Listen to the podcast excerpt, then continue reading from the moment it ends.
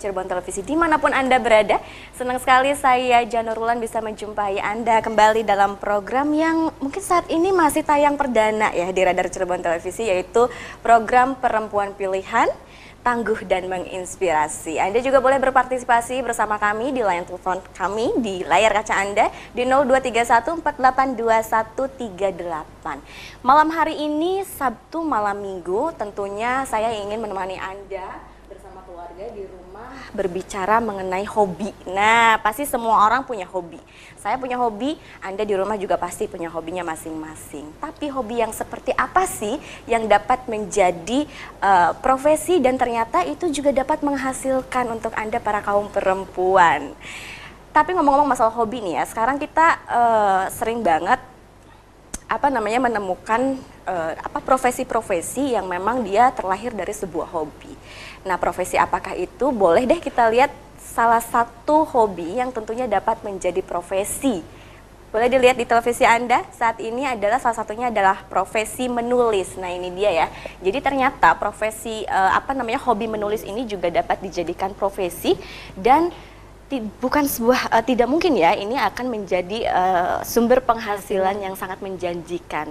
Bagi anda mungkin para kaum perempuan yang punya hobi menulis mulai sekarang sudah tidak ragu lagi untuk menjadikan ini sebuah profesi. Ngomong-ngomong masalah menulis nih saya sekarang juga tidak sendiri. Saya ditemani oleh sahabat saya yang luar biasa di kesempatan malam hari ini yang sudah hadir di tengah-tengah kita semua sudah hadir di sini Mbak Dian Novianti. Halo Mbak Dian. Halo Mbak Apa cantik kabar? kabar? Udah Aduh, lama udah lama banget nggak ketemu. ketemu ya. Ya ampun. tambah cantik aja Mbak Janur Alhamdulillah Mbak Dian juga cantik. Semua perempuan di sini cantik. Gak ada yang ganteng ya Cantik luar dan cantik di dalam ya Mbak Dian ya. iya. Jadi pemirsa Mbak Dian ini adalah sahabat saya. Dulu kita sempat uh, satu, Satu. kampus ya. satu kampus ya mengajar Jadi beliau adalah juga seorang dosen juga di salah satu universitas swa- swasta di kota Iya. Cirebon dan saya juga sama seorang dosen Dosen juga dan kita bertemu di sebuah kampus yang sama. Alhamdulillah Dan eh, saya mulai mengenal sosok beliau itu karena eh, kita awalnya sering ngobrol-ngobrol Iya, dan sharing-sharing ya, Mbak. betul sharing-sharing. Jadi nggak eh, nggak begitu lama ya, Iya. beberapa bulan lalu saya sempat scroll Iya. eh, sosial medianya Iya, beliau. iya. Ternyata beliau itu banyak sekali di sosial media adalah contoh-contoh cerpen, Iya. cerpen gitu. Dan Tulisan saya sangat potongan menarik. fiksi. Potongan-potongan fiksi, Fiksi, ya. iya. ya itu dan itu yang menarik perhatian Iya. saya tentunya. Nah, tentunya malam hari ini saya mengundang Mbak Dian di sini untuk berbagi kisah perjalanan Oke. hidupnya, bagaimana menjadi seorang penulis dan bagaimana hobinya ini yang menulis menjadi sebuah profesi dan merupakan sumber penghasilan juga Iya, ya sampai Alhamdulillah sekarang. iya Alhamdulillah Ada ratusan juta dari satu cerpen ini Mbak Dian. Eh, kalau bicara materi mungkin nggak nggak bukan nggak seperti selebritis ya yang bisa Iya, iya, dalam iya. satu bulan mencapai. Mm. Tapi artinya dengan menulis itu ada kepuasan batin. Yes. Karena kita eh, apa namanya menuangkan pikiran, perasaan gitu. Kita bisa berbagi kepada teman-teman khususnya kaum wanita ya sehingga ketika membaca tulisan yang kita buat itu ada ada perasaan bahagia gitu Betul. ya. Jadi karena memang awalnya dari sebuah kesenangan, Kesenangan, dari iya. sebuah hobi, Hobi. yang ternyata ternyata tidak hanya membuat hati kita senang, Senang, aja iya. gitu kan ya. Ternyata juga si Iya, hobi ini dapat bisa menghasilkan. profesi yang Iya. menghasilkan begitu ya. Betul.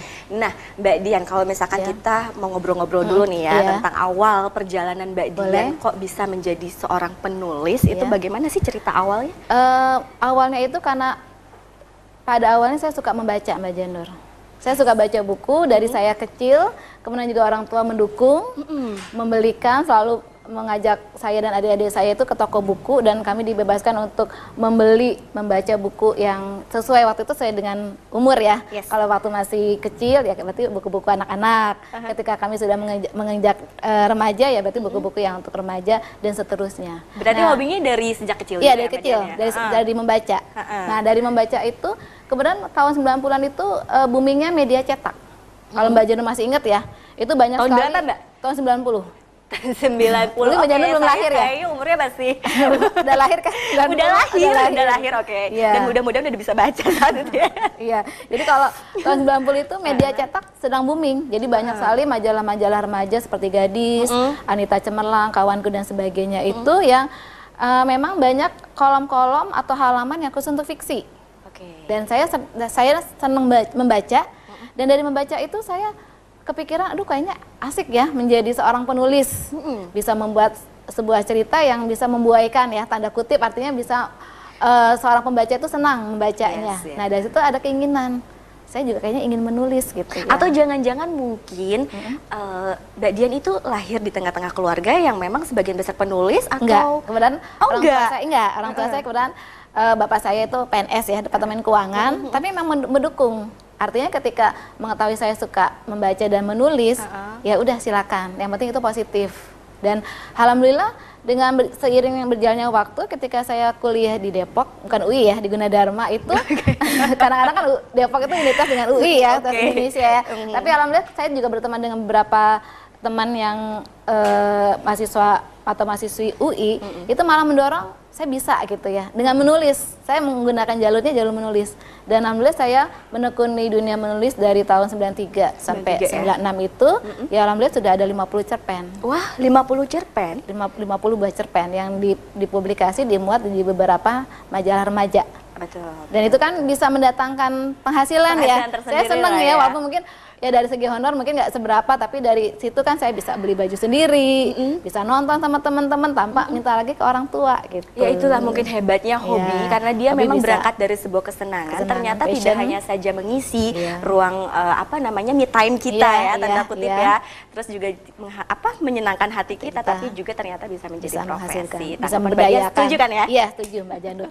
Setuju banget Oke, gitu ya. dari 50 cerpen itu, Iya. mungkin salah satunya sekarang dibawa enggak? Enggak, kebetulan saya eh, ada kumpulan tapi nggak nggak saya bawa karena sudah sudah ada file yang saya kirim ke Mbak Janur ya. Makanya tadi ta- mau di mau ditampilkan melalui slide tapi iya, nggak apa-apa iya, nanti. iya, iya. Artinya gini cerpen-cerpen itu kalau misalnya eh, para wanita yang sama ya menjalani eh, masa remaja atau masa kuliah tahun 90 pasti mengenal media-media seperti majalah Anita Cemerlang, majalah Gadis yang memang rutin memuat eh, fiksi gitu. Nah dari situlah awal saya tertarik untuk menulis Oke, dengan berbagai ya. tema, Oh, baik tema. persahabatan, iya tema persahabatan. Tapi genrenya itu remaja. Remaja ya. waktu itu. Tapi memang iya. Karena gini, yang saya lihat tuh di medsosnya Mbak Dian Iya. ya, nama kalau nggak salahnya nama medsos Facebooknya itu Dian Rean Dian ya. Rean, iya. Jadi di Facebooknya Mbak Dian ini, saya sempat scroll juga. Jadi cerpen-cerpen yang diangkat oleh Mbak Dian ini rata-rata itu memang genrenya remaja. Remaja. Ya kan terus tentang eh, percintaan gitu ya. persahabatan. Persahabatan Iya. gitu ya, sebuah hubungan Iya. gitu kan tentang motivasi. Itu apa sih? Apa memang Mbak Dian senengnya ke genre remaja atau memang Nggak, artinya gini. dikondisikan oleh Iya. komunitas tersendiri? Enggak, artinya gini.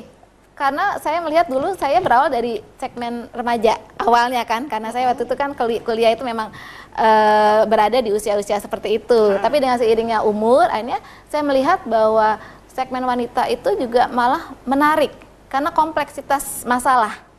Kalau remaja ya kita tahu lah masalahnya nggak nggak sekompleks kita kita orang-orang dewasa. Yang akhirnya saya masuk ke sebuah komunitas penulisan untuk wanita dan saya banyak berteman bergaul sharing pengalaman nah akhirnya itu bisa menjadi ide-ide cerita. Dan kami membuat banyak buku ana- analogi Ah, ah. yang terdiri atas beberapa penulis wanita.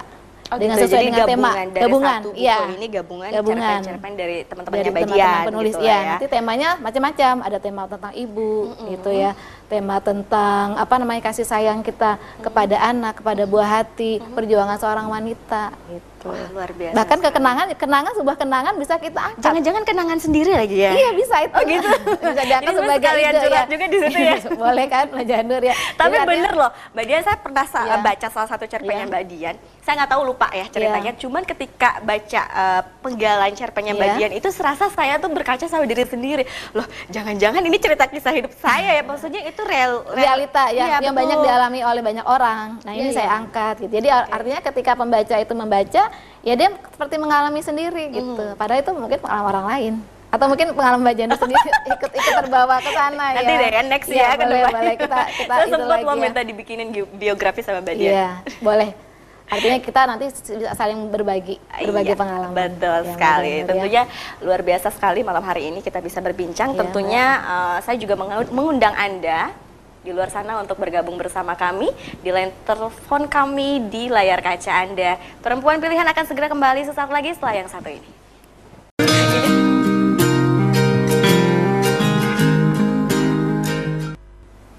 Baik, kita kembali lagi di program Perempuan Pilihan hanya di Radar Cirebon Televisi. Bagi Anda yang mau berpartisipasi bersama kami, boleh banget.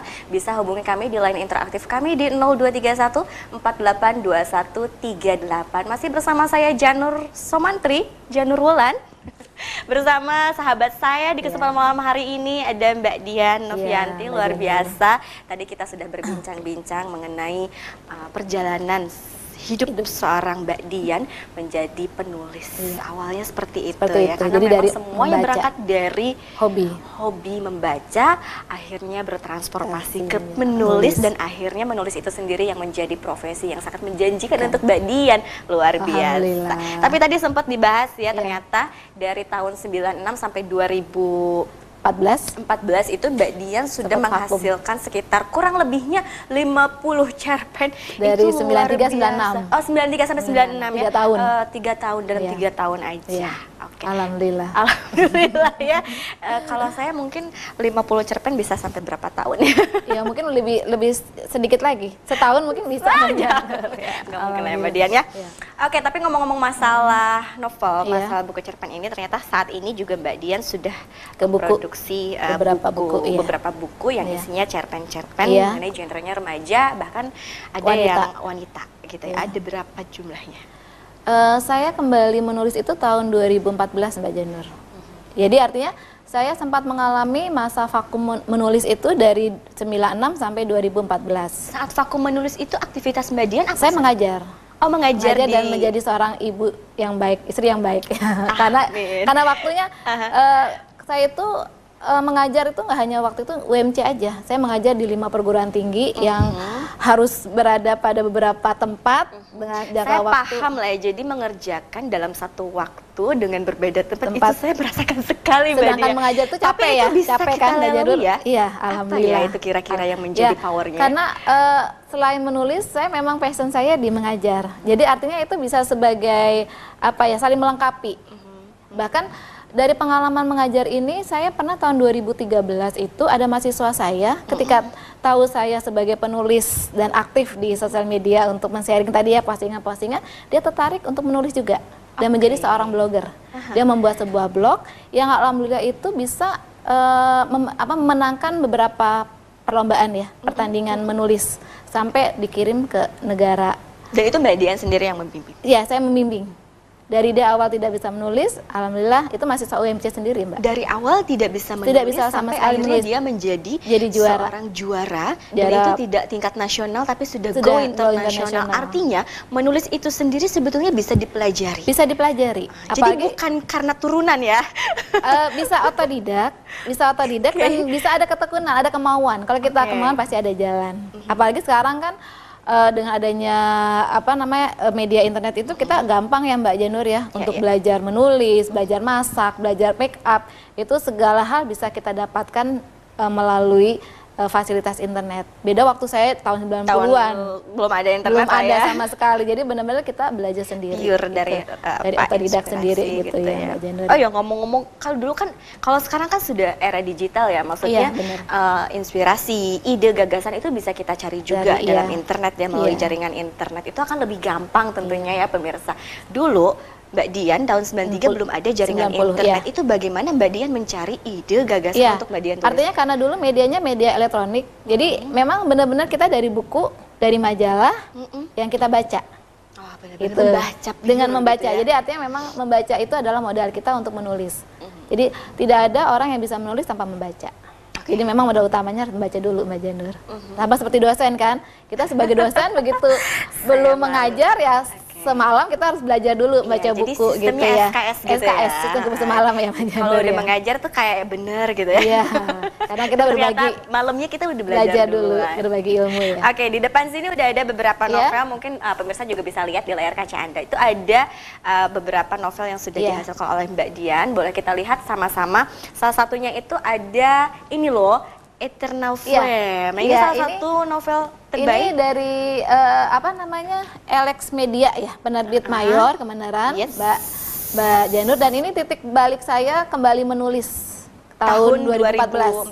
2014. Saya mengikuti sebuah apa namanya lomba lah yang diadakan oleh Alex Media membuat sebuah sinopsis atau outline eh, novel dan alhamdulillah saya diundang ke Jakarta untuk mengikuti pelatihan dan dari pelatihan ini saya benar-benar awal kembali nih jadi benar-benar sebagai penulis baru Pemula gitu ya. pemula lagi walaupun waktu tahun itu saya Tapi sudah udah menghasilkan basic ya, Iya, basicnya tapi sudah karena kita ada. sudah passionnya menulis artinya ketika kita belajar dari awal lagi itu dengan sendirinya mengalir gitu mbak Oke. Janur ya. Tadi juga selain Eternal Flame juga ada beberapa novel Iya. lainnya ya kan. Iya. Itu yang Nah, ini yang Mbak Dian apa nih? paling ini ini yang terkait dengan dengan wanita nih mbak Janur.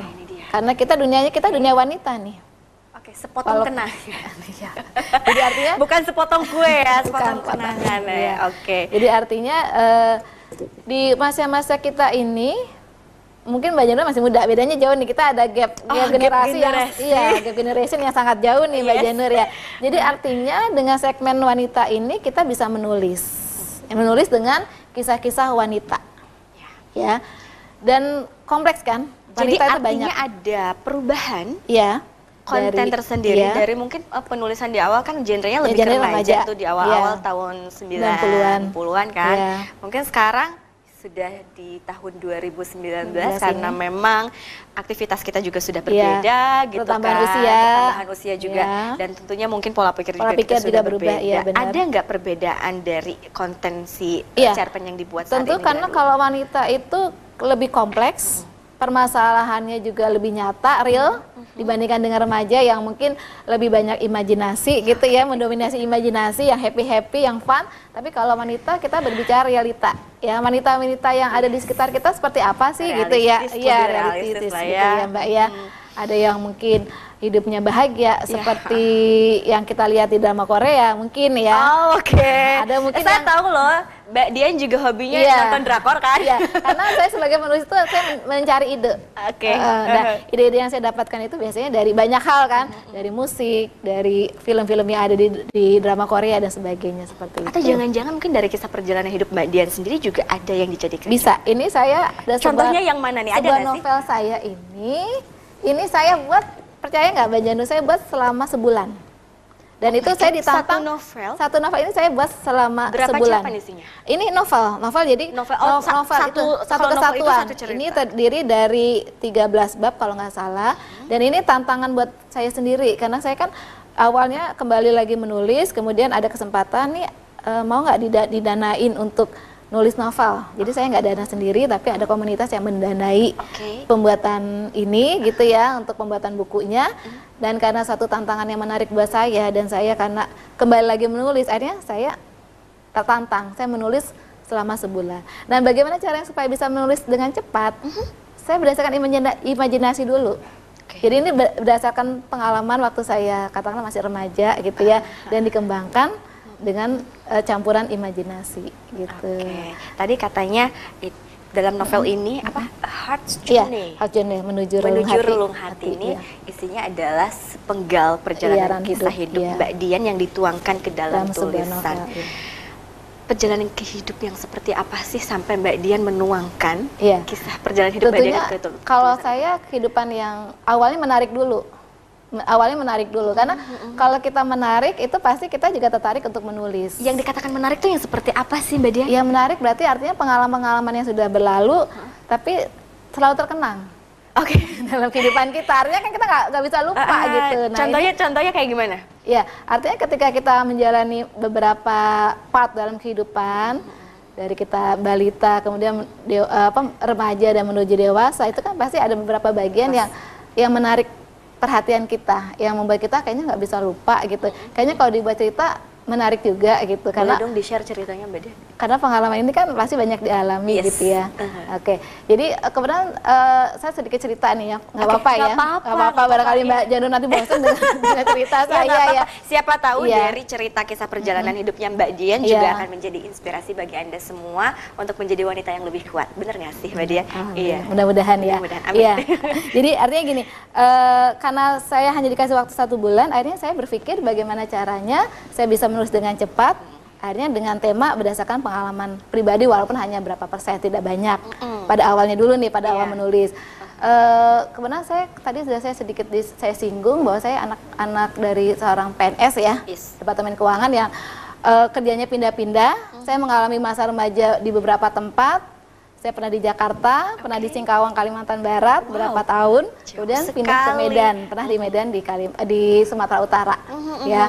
Nah ini pengalaman menjadi siswa baru itu yang artinya saya bertemu dengan banyak orang, banyak teman, Dan berbeda suku pula. berbeda suku sekali gitu ya. Akhirnya itu menginspirasi bahwa saya dulu pernah ya katakanlah pernah bertemu lah gitu ya dengan someone yang menarik Asik. hati gitu. Ya itu kan awalnya ini dia- iya. dia cerita gitu ya. Akhirnya terusin, Mbak ya saya saya ini awalnya saya kupas dulu sedikit nih. Iya, Artinya nggak ini apa-apa. sebagai ide dulu, tapi saya kembangkan berdasarkan imajinasi. Yang kita ketemu kemudian berpisah. Nah, perpisahan ini saya jadikan sebagai tema. Oh, Iya sedih sekali. dengan ya, dengan ya. dengan dengan perbedaan waktu kan dan ya jalan hidup yang berbeda ya tapi akhirnya saya kemas sudah karena saya dasarnya penulis saya kemas dengan sesuai dengan yang apa yang saya inginkan gitu walaupun kenyataannya tidak seperti itu gitu Oke, ya jadi artinya ya. ini bisa bisa di seperti Mbak Janur mungkin punya pengalaman hidup yang lebih menarik dari saya Baik, bisa pengalaman hidup saya banyak ide. sekali Mbak Dian. Nanti coba kita kupas satu-satu Oke, ya. Mbak Dian. Siap, siap. Kita akan coba berbincang lagi nanti. Pemirsa Anda Oke. jangan ke mana-mana dulu. Tetap bersama kami di Perempuan Pilihan.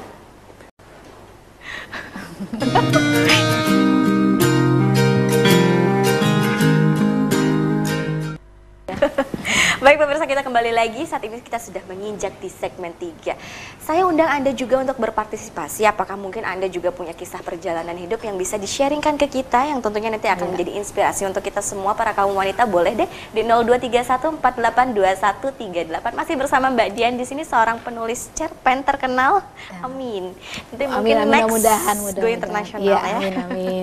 Mbak Dian sebelum Iya. kita berbincang-bincang tadi di awal saya sempat bahas juga sama pemirsa bahwa ternyata banyak sekali macam-macam atau jenis hobi yang dapat dijadikan profesi untuk Anda. Tadi kalau saya sempat membahas tentang menulis, sekarang ada hobi yang sekarang lagi tren banget Iya. nih Mbak Dian ya. Iya. Itu hobi tadinya berdandan mungkin ya Oh, iya. dari eh, kesehariannya berdandan, senang dengan produk ya. kecantikan dan lain sebagainya yaitu hobi dengan make up. Ternyata saat ini profesi make up artis itu lagi tren-trennya. Anda mungkin sekarang sering eh, lihat di di uh, video blog ya. video-video tutorial make up, up ya. ya. itu juga bisa menjadi salah satu alternatif Inspirasi. hobi yang dapat dijadikan profesi. Jadi bukan buat Anda nih sekarang mungkin uh, hobinya shopping, cari-cari produk kecantikan atau mungkin uh, sering rias-rias gitu.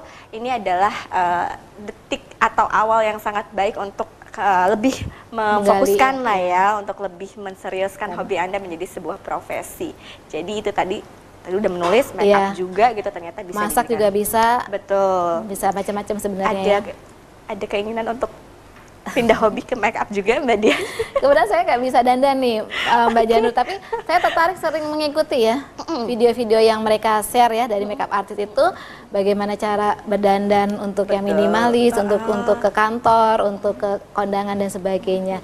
Dan saya kagum ya, artinya mereka itu awalnya itu mungkin sama seperti saya, hanya hobi hanya gitu, hobi. ho- hanya Hanya hobi, mengisi waktu tapi ternyata bisa sangat gitu menghasilkan followernya banyak, kemudian ya artinya kan mereka sebagai endorse ya, endorse Betul. beberapa eh, apa eh, kecantikan Yes. gitu kan, ya akhirnya aduh itu mungkin gajinya udah luar biasa, Betul, fantastis betul. Dan ya Apalagi dari, dari sekarang mungkin eh, era digital udah mempermudah Sudah kita mempermudah. untuk eh, mempromosikan apa Iya. yang kita punya ya. Benar-benar, mungkin Mbak di- juga di dalamnya juga untuk promosi novel Mbak Dian juga Iya. sudah menggunakan Jadi- jaringan internet sekarang Iya, ya. jadi artinya bahwa eh, di sini karena sekarang zamannya digital, kita itu memang harus sudah beralih dari yang tadinya nggak media mau nggak mau dari media cetak ke media digital, ke Walaupun media beda secara online. generation ya. Iya, generationnya beda. Jadi kita harus Oke.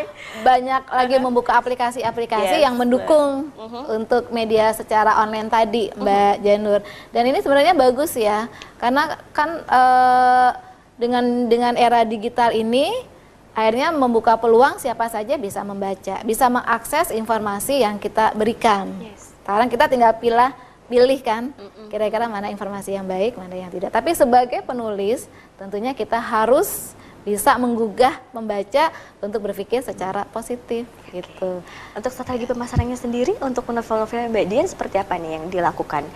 Eh, Terutama dalam era digital ini Iya, ya. jadi artinya eh, saya tadi ya selain share untuk eh, apa bahan-bahan tulisan saya di beberapa media sosial. Saya juga masuk ke akun webpad ya khusus untuk eh, sharing fiksi-fiksi. Fiksi, Nah, biasanya kalau semakin banyak follower yang menyukai tulisan kita, itu akan membuka peluang karena Boleh tahu dong sekarang jumlah followernya berapa Mbak Dian?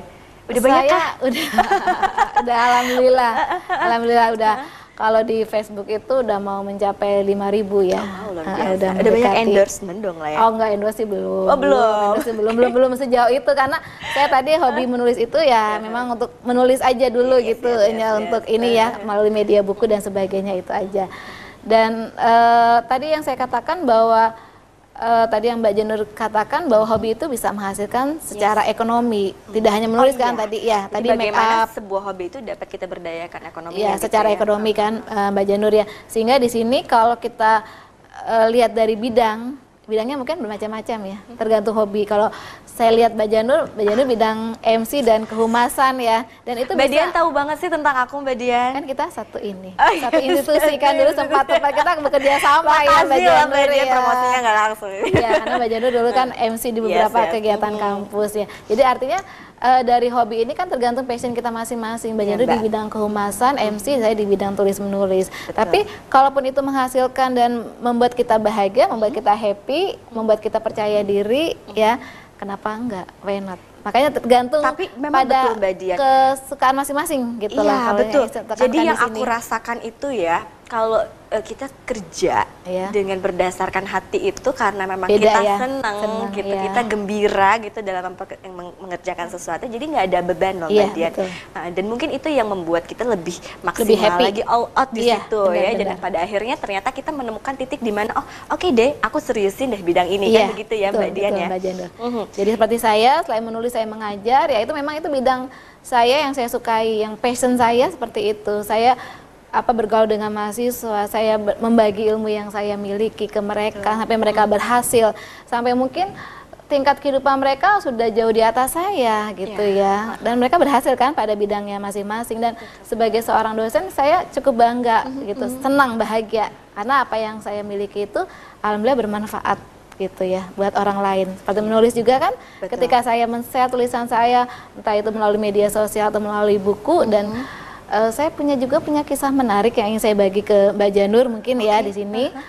Eh, saya punya seorang teman, walaupun saya nggak kenal, saya kenal hanya di dunia maya, Maya. ya di sosial media tersebut. Ternyata dia mengidap sebuah penyakit yang sangat serius, gitu ya.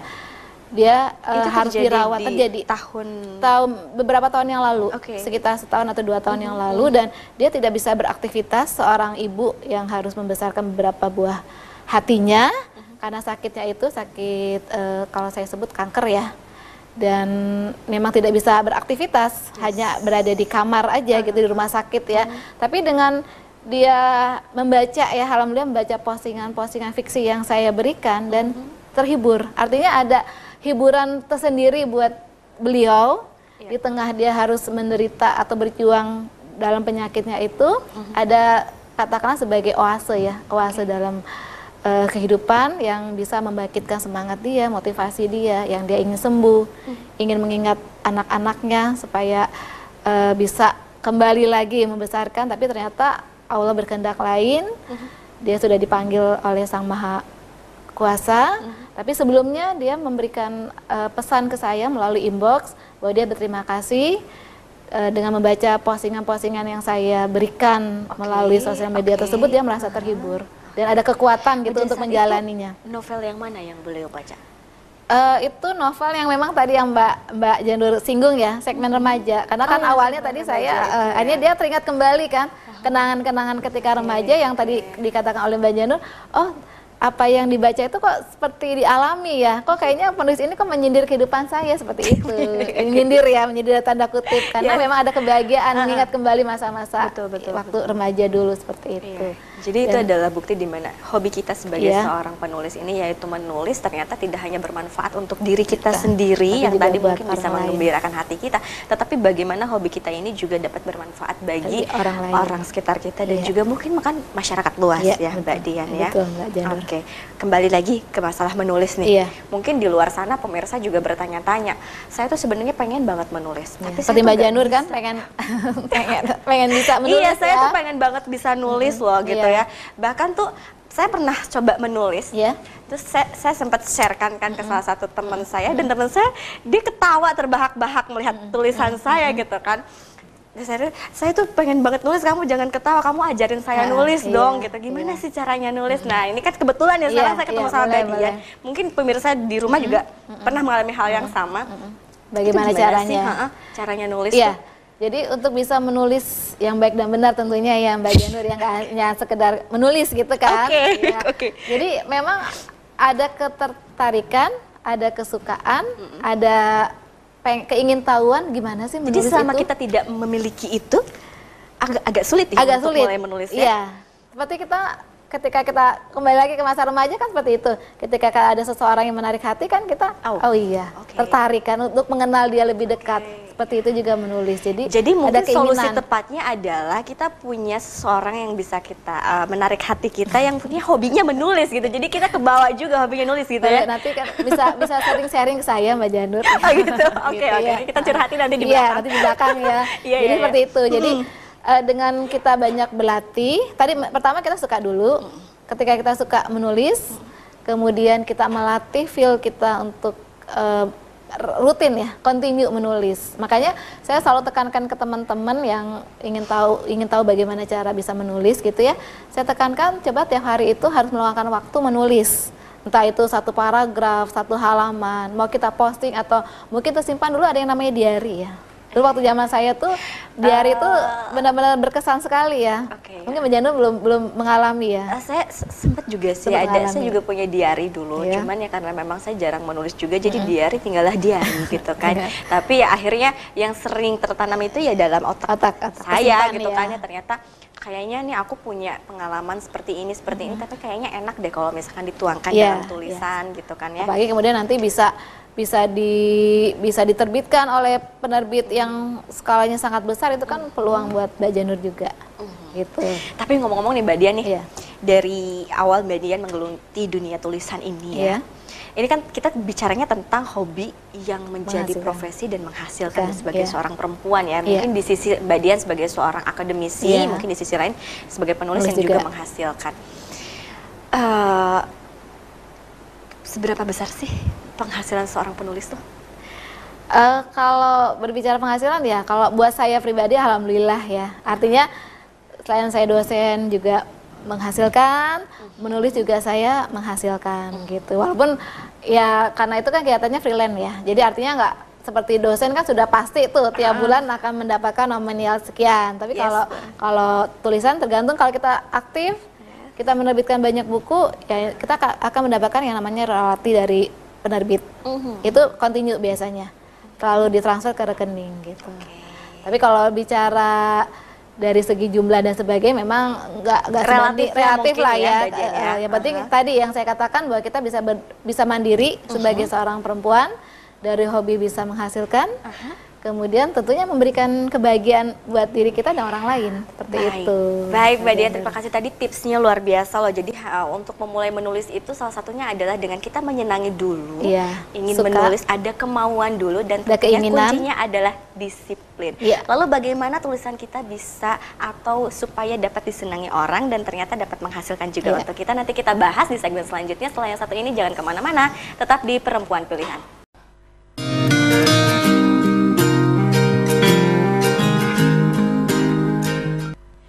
Baik pemirsa, terima kasih Anda masih setia bersama kami di program Perempuan Pilihan hanya di Radar Cirebon Televisi. Silahkan loh, bagi Anda yang juga ingin berpartisipasi bersama kami masih bisa.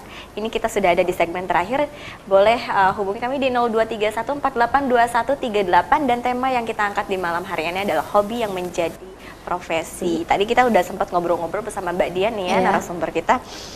Tadi sampai di mana kita ngobrol-ngobrolnya Mbak? Oh iya, jadi bahwa untuk menulis itu itu sangat gampang sekali. Iya, Jadi mudah. syaratnya hanya satu sih ya. Ada kita keinginan, menyenangnya, ada eh, keinginan iya. dan kuncinya kita harus disiplin. Continue, iya. Begitu. Tadi saya sempat announce juga sebelum Iya. uh, ke segmen terakhir ini. Ini kalau misalnya teman-teman nih yang ada uh, di rumah nih Hmm. seka- sekarang lagi berpikir, oh iya udah deh kalau misalnya gitu saya akan coba untuk menulis. Iya. Tapi pertanyaannya adalah bagaimana ketika uh, kita sudah menulis, kita sudah punya produknya gitu dan tulisan kita tuh disenengin banyak orang Iya. dan di publikasi itu gimana sih? Ada trik-trik khusus nggak sih dari Mbak Iya, jadi artinya ketika kita tahu bahwa tulisan itu disenangi, kita bisa bawa naskah itu ke beberapa penerbit. Yes. Ada dua jenis penerbit, ada yang mayor, penerbit-penerbit besar, dan ada yang penerbit minor, gitu ya. Jadi artinya kita mau ke mana nih? Kalau kita jalurnya jalur cepat, ya mungkin kita bisa memilih penerbit minor ya, yang artinya penerbit yang skalanya lebih kecil, Kecil. dibandingkan dengan penerbit besar seperti Gramedia, LX Media, dan sebagainya. Jadi tergantung kebutuhan kita. Kita mau dipublikasikan secara cepat atau harus menunggu lama karena antriannya juga cukup banyak di penerbit-penerbit besar seperti itu. Mbak Jadi pada intinya jangan takut untuk Jangan memulai takut. menulis Iya. ya karena ternyata menulis itu bukan genetik tapi ternyata bisa dipelajari, Bisa dipelajari. juga. Artinya kita harus tahu dulu nih potensi dalam diri kita tuh Iya, apa lalu iya. kita bisa kembangkan. Betul, Setuju. Mbak Dian? Iya, setuju. Jadi artinya karena kebetulan saya ini sebagai penulis, ya memang saya eh, fokusnya ke menulis. Tapi saya juga tahu teman-teman itu kan tidak semua menyukai gitu ya menulis. Mungkin banyak potensi-potensi lain yang ada di diri para perempuan yang ada di sekitar kita yang mungkin berbeda-beda. Ada yang suka masak, tadi ada yang suka make up, Ada yang suka make ada yang up, suka termasuk humas, aku, ada yang iya, suka MC gitu ya. gitu. Jadi artinya kita cari dulu potensi kita apa sih gitu. Setelah kita tahu baru kita gali, kita perdalam. Karena kalau kita perdalam lebih lebih lagi dan ternyata itu bisa dihasilkan secara ekonomi, nah itu kan peluang buat kita. Tapi Gitu, Mbak kadang-kadang agak sulit juga sih Mbak Dian kita Iya. menemukan potensi dalam diri kita ada trik khusus nggak sih? Oh ternyata potensi saya tuh ini gitu. Apakah mencari potensi dalam diri itu sama dengan kita menanyakan pada diri kita apa sih yang kita sukai? Iya, seperti Gitu itu. aja Jadi ya? kita mengenal diri kita diri, Mengen- aha. diri kita sendiri. kesukaan kita tuh Eh, apa kesukaannya gitu apa ya? sih gitu. Seperti kita kita suka eh, apa namanya genre musiknya apa sih? Kan pasti kita punya genre musik yang berbeda-beda. Seperti itu. Jadi apa sih hobi kita? Apa sih yang yang saya sukai? Apa yang menjadi daya tarik buat diri saya? Mhm. bidang apa? Seperti itu. Sama seperti ket- ketika kita akan kuliah kan?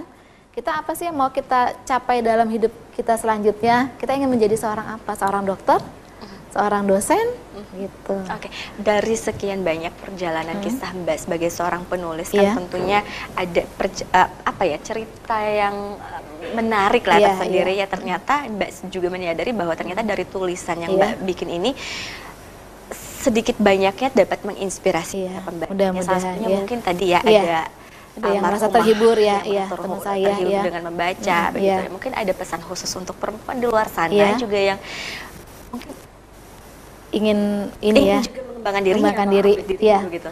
Jadi artinya tadi kita kenali dulu potensi diri kita, kemudian kita kita gali lebih dalam lagi gitu ya. Kalau memang tertarik menulis ya harus menyukai dulu. Kita suka membaca, Iya, iya. kemudian kita kita pelajari bagaimana menulis seperti apa gitu ya.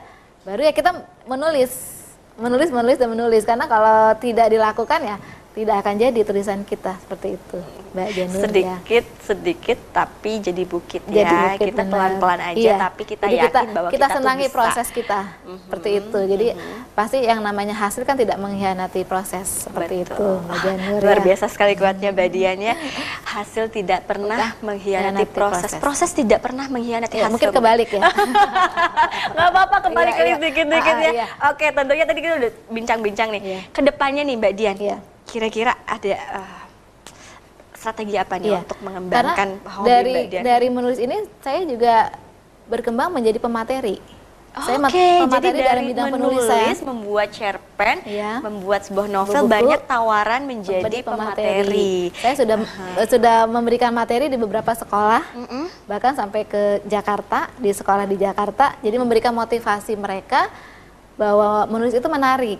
Menulis itu bisa menghasilkan Oke. gitu, bisa bisa sebagai peluang Oke. kita di akan datang seperti itu. Mbak Baik Janur. Mbak Dian tentunya apa pun yang menjadi rencana Mbak Dian ke depan saya doakan Amin, semoga amin. Mbak Dian sukses. Seperti Mbak Janur juga kan. Amin, Sukses amin. menjadi seorang MC yang keren Amin, ya Mbak Janur ya. amin. Semoga kita bisa bertemu lagi Amin, di kantor ya. yang sama Iya, ya Mbak terima Dian. kasih Mbak Janur ya sudah diundang ke Sama-sama Mbak ya, Dian, Mbak salam Janur untuk ya. keluarga Iya, dan juga sama-sama. para pembaca Iya, novelnya. iya. Dan tentunya pemirsa kita sudah di penghujung acara. Tadi sudah kita banyak membahas mengenai hobi yang menjadi profesi. Ternyata kita semua ini memiliki potensi. Tentunya sebagai seorang perempuan kita tidak hanya saja menjadikan hobi hanya sebatas untuk mengisi waktu luang, mengisi me time, tapi bagaimana kita bisa berpikir dan memberdayakan diri kita sendiri dengan kekuatan yang ada pada diri Betul. kita. Kekuatan seorang perempuan Iya. itu yang tidak terhingga itu untuk menjadikan hobi kita menjadi sebuah profesi yang bermanfaat untuk diri kita dan menjanjikan untuk di masa masyarakat ya. luas dan Iya. juga keluarga kita sendiri. Iya. Baik pemirsa, kita berjumpa lagi minggu depan dalam acara Perempuan Pilihan di hari yang sama dan juga jam yang sama. Tentunya saya Janur Somantri mewakili seluruh kerabat kerja yang bertugas pamit undur diri. Assalamualaikum warahmatullahi wabarakatuh. Waalaikumsalam. Mbak Dian, terima kasih banyak. Terima kasih.